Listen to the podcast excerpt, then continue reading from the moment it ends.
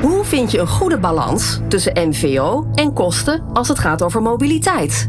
Tijd om slimmer te leasen. In de Slim Leasen podcast praten presentator Volker Tempelman en consultants Elske van der Vliert en Arjos Bot u bij over de laatste ontwikkelingen. Welkom bij de Slim Leasen podcast. Elske en Arjos, welkom. Ja, dankjewel. Dankjewel. Welkom. Goed dat jullie er weer zijn. Laten we er meteen induiken. Is het al tijd om elektrisch te rijden, Arjos? Ja, Ja, overduidelijk, Elske? Zeker. Ja, geen Ja, twijfel meer over mogelijk. Eh, dit moeten we gewoon nu eh, echt volle bak gaan doen. Ja, dit moeten we nu gewoon volle bak gaan doen. Waarbij ik opmerk dat het niet voor elk wagenpark alles per se elektrisch moet nu, direct en onmiddellijk. Arjos had het er in de vorige podcast al over. Je moet goed kijken naar wat je wanneer gaat toepassen. En elektrisch rijden is voor een heel groot deel voor het wagenpark nu al toepasbaar, maar voor een deel ook niet. En dan moet je andere keuzes eh, maken. En waar ligt dat dan aan? Waarom is het ook nog eens een keer niet eh, toepasbaar, Arjos? ja dat is eh, wat je noemt situationeel. Dus dat hangt af van dus waar je de auto voor gebruikt. Vaak, moet ik eerlijk zeggen, eh, zou het zakelijk al heel goed kunnen. Alleen een leaseauto wordt ook nog wel eens privé gebruikt. Eh, veel zelfs. En ja, matcht het helemaal met het privégebruik? Dat is de vraag. Kijk, er zijn een aantal situaties. Eh, denk aan eh, in het weekend rijden voor de sportclub bijvoorbeeld. En dan met vier of vijf kinderen meenemen in de auto.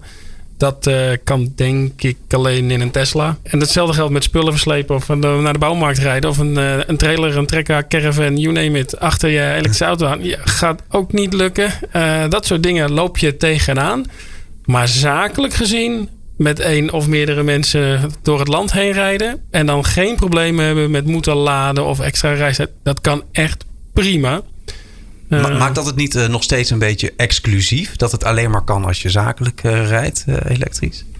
Ehm, zo heb ik er nog nooit naar gekeken. En, en dus voor, de, ik- voor de happy few? Ja, wat mij betreft kan die exclusiviteit er wel vanaf. Kijk, de vraag is natuurlijk: kies je ervoor zeg maar, als, als mens, als medewerker, of zegt, schrijft de werkgever voor: gij zult eh, duurzaam. Gij zult elektrisch Ja, rijden. bijvoorbeeld. Ja, precies. Ja. Ja, inderdaad. Ehm, in dat laatste geval heb je waarschijnlijk, als je bij je werkgever wilt blijven werken, niet zoveel te kiezen. Nee. Eh, en zul je misschien privé iets anders moeten organiseren. Maar ja, dat is natuurlijk ook een beetje niet helemaal de kant die je op wil. Want je wilt toch in één keer dan heel die duurzaamheid realiseren. Die duurzame mobiliteit. Maar aan de andere kant, als je er zelf voor kiest. Ja, dat is natuurlijk de beste motivator eh, die er is. Want dan ben je ook eh, ja, voor de rest van, laat maar zeggen, van de invulling van je mobiliteit ge, ge- ja, genoodzaakt. Maar ook ervan overtuigd dat je iets duurzaam, eh, duurzaam wilt reizen. Dan doe je dat. Hoe, staat het met, de, mogelijkheden hoe zijn staat het met de techniek eigenlijk? Je noemt al eventjes eh, voor sommige gevallen dus beter dan voor anderen. Eh, is daar nog meer over te zeggen, Elske? De techniek van de elektrische auto's, is die al zoals die moet zijn? Oh nee, maar de techniek van de diesel is eigenlijk ook nog niet uitontwikkeld. Dus wat dat betreft hebben we nog even. Nee, de, de elektrische auto zal in de komende jaren nog steeds verder ontwikkeld worden. Aan de andere kant, als je ziet wat er in de afgelopen vijf jaar al aan vooruitgang is geboekt, zeg maar. Hè, een, een oude Renault Zoe en een nieuwe Renault Zoe. Of een, ehm, een oude Nissan Leaf en een nieuwe Nissan Leaf. Als je ziet hoeveel verder die komen qua actieradius, dan eh, ja, zie je nu wel dat de elektrische auto eigenlijk gewoon best wel praktisch toepasbaar is. En ze zijn er niet veel, maar ik ken zelfs particulieren die een nieuwe elektrische auto kopen. Ehm, maar ik zou ook vooral zeggen, weet je, hè, hoe sneller eh, er meer elektrische auto's geleased worden, hoe sneller ze op de tweedehandsmarkt komen, hoe sneller het ook voor de gemiddelde Nederlander eh, gewoon eh, Haalbaar mogelijk- is ja, eigenlijk. Hoe staat het eigenlijk met het aanbod van de, de elektrische auto's in Nederland? Eh, Nou, daar kan ik wel iets over zeggen. Er, Ja. er zitten natuurlijk een aantal eh, modellen in de pijplijn. Ja. Eh, veel fabrikanten zijn bezig met de ontwikkeling en hebben modellen aangekondigd. noem eens een pareltje. Nou, ik denk dat de bekendste wel de Tesla Model 3 is. Die Ja. is al enige tijd geleden aangekondigd. Volgens mij was het 2016. Ehm, ik weet niet zeker of we hem dit jaar nog mogen verwachten. Maar anders zou die er volgend jaar eindelijk echt mogen zijn, moeten zijn. Mhm. Maar goed, ook Duitse fabrikanten, eh, Mercedes, Audi, Volkswagen... hebben toch duidelijk eh, nieuwe, volledig vanaf de grond ontwikkelde elektrische auto's aangekondigd. En die komen allemaal 2019, 2020 wel langzaam op de markt. Alhoewel dat soms nog wel wat duurdere modellen zijn. Dat is een beetje het proces waar we in zitten. Maar als je nu kijkt wat er vandaag de dag beschikbaar is, dan zitten daar hele eh, interessante auto's tussen. De nieuwe, de, de tweede generatie Nissan Leaf werd net al Ja. genoemd door Elske. Je hebt de Opel Ampera E. Die heeft een hele eh, eh, serieuze range. Hè? Dus rijkwijde die je vol elektrisch kan afleggen. Ja. De Renault Zoe is er ook een van met het Hoe nieuwe ver accu. kom je met een, een beetje goede elektrische auto tegenwoordig? Op reëel, reële kilometers, 300, 350 kilometer, is Ja. dan op één acculading eh te rijden. En dan eh, reken ik er dus al mee dat je bijvoorbeeld de airco aanzet in de zomer. Of dat je de verwarming aanzet in de winter, et cetera. Eh, want de opgegeven eh, range door fabrikanten die is nog vele malen hoger. Dus ja, dit zijn maar dat meer- is dus niet echt. eh, Nee. Wat is, dan moet je lichten uit, radio uit, inderdaad. En geen airco aan. dan Ja, haal je het ja, misschien. Ja, ja. Zeg maar. Vier bar in de bandjes, ja, wie weet. Dit is de Slim Lease podcast met Volker Tempelman, Elske van de Vliert en Arjos Bot. Er is ook een mooi voorbeeld van de Skoda Octavia Combi. Die is ongeveer 700 euro goedkoper per jaar dan eh, de diesel. Eh, weten jullie daar meer van? Dat schijnt een, een mooi apparaat te zijn. Ja, maar dat is een groen gas eh, auto. Kijk, waarmee we Dus- meteen het bruggetje leggen Ja, inderdaad. Want, eh, inderdaad. want wa- wa- wat is dat dan? En waarom is dat eh, bijvoorbeeld beter of minder goed dan elektrisch Ja. rijden? Nou, groen gas is een. ehm, eh, groen gas is eigenlijk hetzelfde als aardgas. Hè? Dat gas wat we uit Groningen halen. Alleen groen gas halen we niet uit Groningen. Nee. Groen gas halen we uit mestvergisting, rioolwaterzuivering, dat soort dingen. Dus uit restproducten. Daar maken we groen gas van. En dat, eh, daar kun je dus ook op rijden. Net als dat je op gewoon aardgas kunt rijden. En net als dat je. Het is wel wat anders als LPG. Hè? LPG is echt een andere brandstof dan groen gas. En eh, groen gas is eh, op best wel wat plekken in Nederland beschikbaar. Ehm, en ook in groen gas zijn er een heleboel modellen. Eh eh, Seat is er heel erg actief mee op dit moment met de groen gasmodellen. Maar ook in de bestelbussen heb je ehm, eh, Mercedes, Iveco, Fiat. Heeft sowieso niet alleen in de bestelbussen, maar ook in de personenwagens een heleboel modellen. En daar waar mensen zeggen, ja, elektrisch rijden, dat vind ik nog ehm, een beetje te ingewikkeld, te moeilijk, te weet ik niet. Kan groen gas, ja, te spannend, ja. Eh, kan groen gas eh, vaak een hele goede oplossing zijn. En ook zeker in de bestelbussenmarkt. Want daar is elektrisch nog niet zo ver ontwikkeld als eh, bij de personenwagenmarkt. En valt dat nog een beetje te combineren, ook het een met het ander? Nou, idealiter heb je, als je een hybride auto hebt, heb je een hybride auto op groen gas. Maar Ja. daar is er één van in Nederland uit mijn hoofd gezegd. dus die, dat is niet zo eh, ontwikkeld. Dus eh, voor nu, als je als of als H, eh, ja, HR'er en je moet mensen een auto aanbieden, dan Ja. is het of groen gas of elektrisch. En, en niet allebei, zeg maar. En, en eh, wat is er te zeggen over eh, de toekomst van beide soorten? Welke, welke is het meest duurzame? Gaat het uiteindelijk winnen, zeg maar, op de long term? Ehm, ik denk dat je groen gas moet zien als voorloper van waterstof. En als je dus eenmaal met groen gas eh, gewend bent te werken, dan kun je ook met, daarna met waterstof aan de gang. En elektrisch is een spoor daarnaast, waarbij ik altijd denk dat elektrisch voor eh, de relatief gezien wat kortere afstanden is dan, dan waterstof. Maar nog steeds hoor, die 350 kilometer, de gemiddelde persoon die komt daar makkelijk mee uit de voeten. Het is echt niet dat waterstof of eh, dat als je elektrisch rijdt dat je maar alleen maar korte afstanden kan rijden. Zo bedoel ik het niet. Dat gaat tot 30.000 kilometer, 35.000 kilometer per jaar makkelijk zat. Maar als je nou echt zo'n vertegenwoordiger bent die alleen maar in zijn auto zit, dan zal waterstof waarschijnlijk op termijn de logische optie voor jou zijn. Ja, dus dan hebben we het over elektrisch rijden, waterstof en eh, eh, groen gas. Daar, daar zit een samenhang in. Hè? En daar komt iets uit, uh, Arjels, denk ik. Uh, hoe, hoe, kijken jullie daar nu al aan uh, vanuit de leasebranche? Um, hoe, hoe, ziet jullie wagenpark eruit wat dat betreft? Nou, dat, als je, het eerlijke antwoord is dat we nog heel veel... Als in, ik weet het percentage eerlijk gezegd niet... maar het leeuwendeel van onze vloot is natuurlijk nog fossiel aangedreven. Oftewel benzine of mm -hmm. diesel. Daar zitten trouwens ook behoorlijke aantallen hybrides en plug-in hybrides uh, tussen. Dus dat zijn uh, de laatste variant is een auto met een stekker. Maar de combinatie van op accu's rijden, op stroom rijden en een brandstofmotor om op terug te vallen als je mm -hmm. kleine accu leeg is. Uh, maar dat is, ja, dat is een overgangsfase. Er is alleen nog maar een fiscale stimulans op auto's die geen CO2 uitstoten. Mm -hmm. Dus technisch gezien waterstof of een volledig elektrische auto.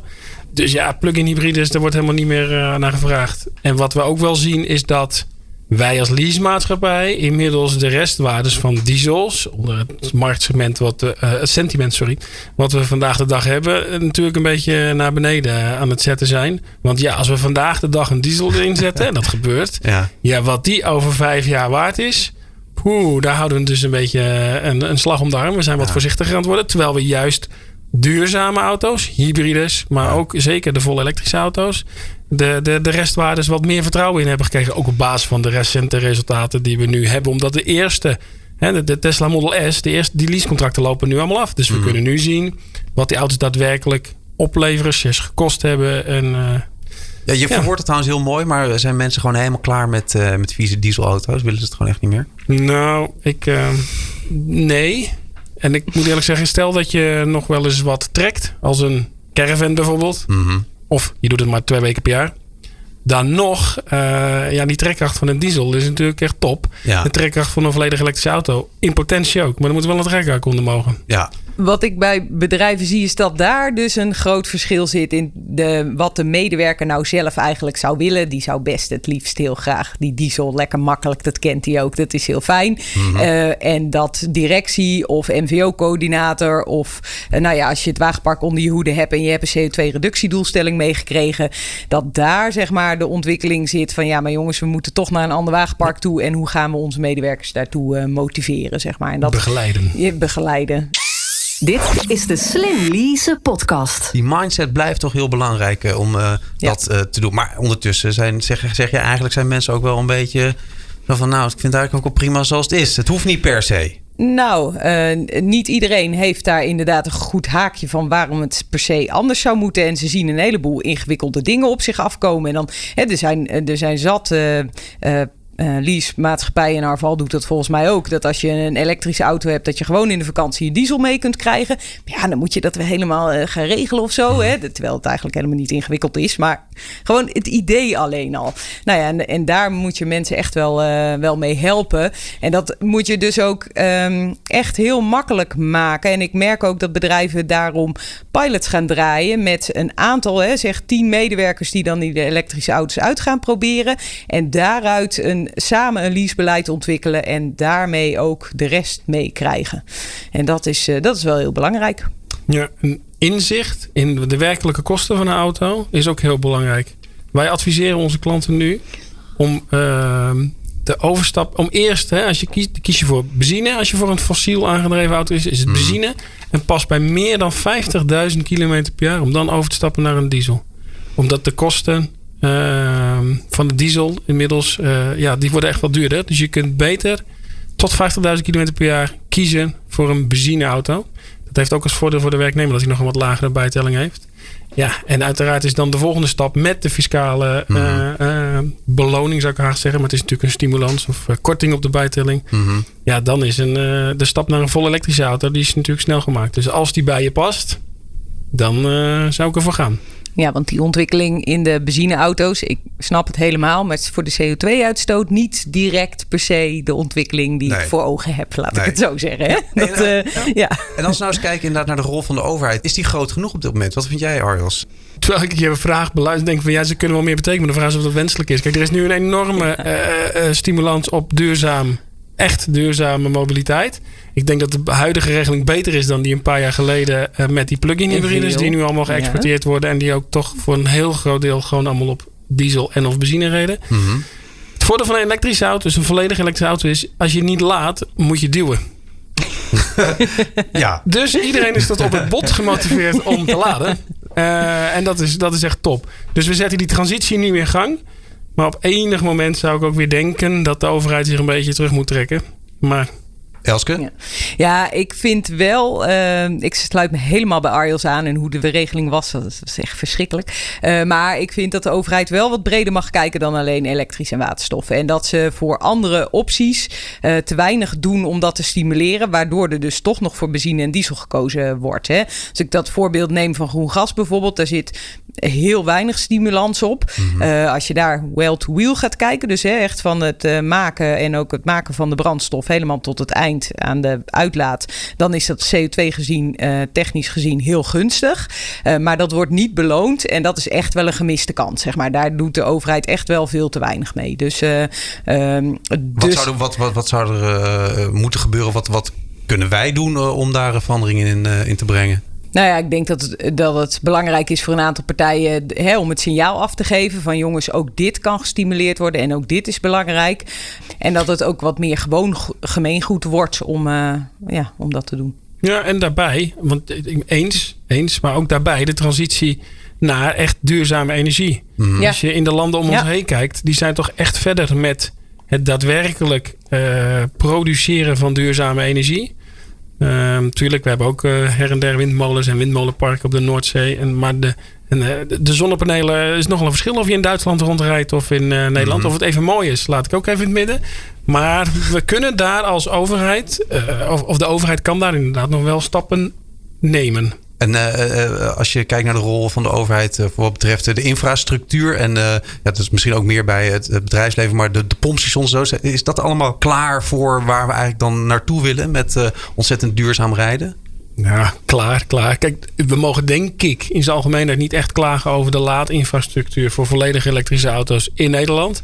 Maar het is natuurlijk, als er straks echt veel elektrische auto's zijn, ja, dan hebben we weer capaciteit tekort. Maar het is niet overdreven druk bij het gemiddelde fastnetstation, zeg ik als niet fastnet eh, gebruiker. Eh, misschien Elske, schop ik niet tegen een heilig huisje aan, maar Ik zie jou knikken. Ja, nou ja, en ook daar zie je weer dat zeg maar, de regionale overheden veel meer hebben gedaan om een breed palet aan alternatieve brandstoffen, pompstations neer te zetten dan de nationale overheid doet, inderdaad. Ja. Want eh, ja, eh, dus ook daar.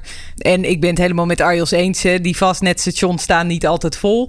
Eh, dus er is nog capaciteit genoeg. Maar eh, ja, dat is ook een kip en ei natuurlijk. Hè. Als het aanbod er maar is, dan eh, is het ook makkelijker voor mensen om over te stappen. Dus daarom, en daar zou best wel wat meer push op mogen zitten. Dat is nu vooral afhankelijk van marktpartijen die daar wat in zien. En eventueel regionale overheden. Oké, en ehm, eh, over dat kip-en-ei verhaal en die marktpartijen die daar dus misschien nog niet genoeg op inhaken. Hoe kunnen we dat boosten? Eh, Wat, wat zou daar een goede eh, zwengel aan kunnen geven? Nou ja, ik denk dat je als wagenparkbeheerder of eh, ja, wanneer je dit ook onder je hoede hebt, best wel gewoon met die marktpartijen om tafel kunt. En best wel kunt laten zien, jongens, we hebben de potentie wel en we willen wel wat graag. En, en dan zijn die marktpartijen ook best wel ge- geneigd om wat te gaan regelen. Dus het is ook veel meer, zeg maar, ehm, als bedrijf zeggen van ja, ik wil dit en wie gaat mij erbij helpen? Eigenlijk en, de dialoog openen gewoon. ja, Dat is één kant, één kant van het verhaal, hè, de werkgever. Maar de werknemer net zo. Die zou ook zijn hand op moeten steken en zeggen... joh, ik wil werken voor een bedrijf wat duurzaamheid hoog in het vaandel heeft... en ik wil op een verantwoorde wijze eh, invulling geven aan mijn mobiliteit. Dat zijn hele mooie woorden, maar goed. Eh, ehm, kom erop, beste werkgever. Ik wil een volledig elektrische auto. Er gebeurt, er En gebeurt wat- dus ook nog gewoon niet dat- genoeg eigenlijk, als, ik- als ik het zo hoor. Ja, Ja, weinig. Ja, en eh, wat je daar ook nog bij zou kunnen doen, bijvoorbeeld hè, om een, eh, een ballonnetje op te laden, is eh, mensen het laten ervaren. Ik ken Ja. eh, weinig mensen die. we hebben bij Arval allemaal een. eh, iedere medewerker heeft een, laten we zeggen, een EV, een elektrische auto training gehad. En ze hebben ook allemaal, ze moesten, laten we zeggen, een elektrische auto rijden. En ook echte petrolheads, die, de- ja, die missen het geluid. Zeker. En Ja. de toeren. En, ja. Maar als je eenmaal de stilte en de acceleratie en het, het, rijdt echt fantastisch. Het rijdt echt gewoon goed. Ja, Je hoort niemand klagen dat een volledig elektrische auto niet goed rijdt. dus ook een beetje wat de boer die kent, eh, dat, ja, eh, weer niet. die angst voor verandering. En, ja. Ja. precies. Dus ja, Ja. ga het maar eens meemaken. Ga het maar eens ervaren. Ja. En dan eh, wordt het vanzelf Ja. omarmd. Dit is de Slim Lease podcast. Ik wil het eh, graag eh, ook nog even hebben over eh, technologische ontwikkelingen versus psychologische ontwikkeling. Wat komt er uiteindelijk uit die tech- technologische ontwikkeling die ons over de, wat ons over de streep gaat trekken? Is, is dat iets waar, waar wat over te zeggen is? Nu al. Ik denk dat daar eh, Elon Musk met de Tesla wel echt goed werk heeft gedaan. Zeg maar. Die heeft wel een auto gebouwd die iedereen wilde hebben. En dat is ook wel nodig. Dat het een beetje leuk wordt. Want vroeger had je natuurlijk gewoon golfkarretjes. Dat Ja. waren dan auto's die elektrisch reden. Maar het waren gewoon golfkarretjes. En eh, ja, ook niet iedereen vond de Leaf even mooi, zeg maar. Dus ehm, de, de autofabrikanten, en, en dat helpt natuurlijk nu enorm dat er zoveel meer aanbod is. eh, die moeten het ook, ja, die moeten mooie auto's bouwen. En niet, ja, oh, we hebben nog een elektrische auto en daar maken we wat van of zo. Nee, dit is gewoon een super gaaf product. Ja. Daar valt nog wel veel eh, te behalen, inderdaad. Er is zeker nog veel te behalen. Uh, maar dat is in zijn algemeenheid. Ja. En over smaak valt niet te twisten. Hè? Wat de een uh, mooi vindt, vindt de ander niet mooi. Maar zodra je aan de basis vereisten voldoet, namelijk een acceptabele range, wat die dan ook mogen zijn voor iemand, maar een behoorlijke range en dan ook een behoorlijk accupakket en snel laadfaciliteiten en ook nog een prijsstelling waar je iets mee kan. Ja, dan uh, hoeft verder niet heel spectaculair te zijn volgens mij om uh, gewoon mainstream volledig elektrische auto's uh, op de weg te krijgen. We zijn aan het einde gekomen van de Slim Lease podcast, deel 2 daarvan. Elske, uh, waar kunnen mensen de podcast terugvinden en waar kunnen ze dat terug luisteren? Slimleasepodcast.nl Helemaal duidelijk. Volgende keer hebben we het over kosten en CO2-uitstoot. Tot zover deze aflevering van de Slim Lease podcast. Zorg dat je op de hoogte blijft van alle ontwikkelingen op het gebied van zakelijke mobiliteit. En luister ook naar de volgende aflevering.